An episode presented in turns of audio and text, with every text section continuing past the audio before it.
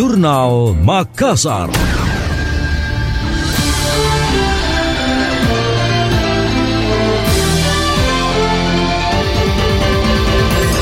Gubernur Sulawesi Selatan Andi Sudirman Sulaiman melantik Andi Aslam Patonangi sebagai penjabat sekretaris daerah Provinsi Sulawesi Selatan. Pelantikan dan pengambilan sumpah berlangsung di kantor Badan Penghubung Pemprov Sulsel di Jakarta Jumat 13 Januari 2023. Usai melantik, Andi Sudirman menitipkan pesan agar PJ Sekprov senantiasa menjaga integritas untuk mewujudkan Sulawesi Selatan yang lebih baik. Tidak hanya itu, Gubernur juga meminta PJ Sekprov mendorong semangat kerja dan profesionalitas ASN di lingkup Pemprov Sulawesi Selatan.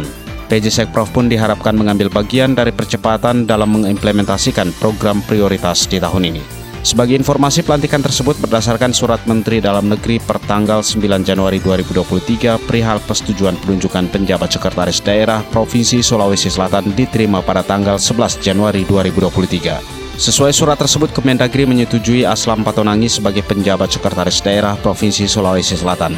Diketahui saat ini Aslam Patonangi juga menjabat asisten pemerintahan Sulawesi Selatan dan sebelumnya telah ditunjuk gubernur sebagai pelaksana harian PLH Sekprov. Aslam adalah salah satu pamung senior dalam lingkup Pemprov Sulsel. Ia pernah menjabat Bupati Pindrang selama dua periode yakni tahun 2009 hingga 2014 dan 2015 hingga 2019.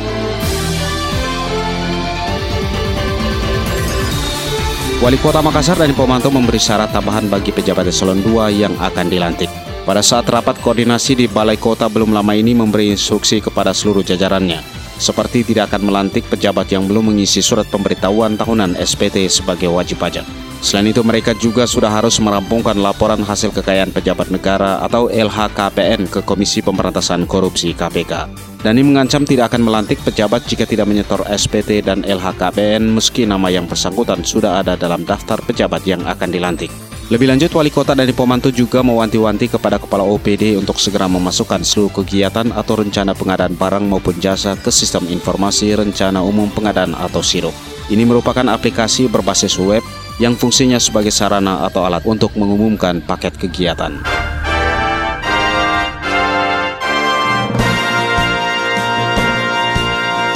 Demikian tadi, Jurnal Makassar.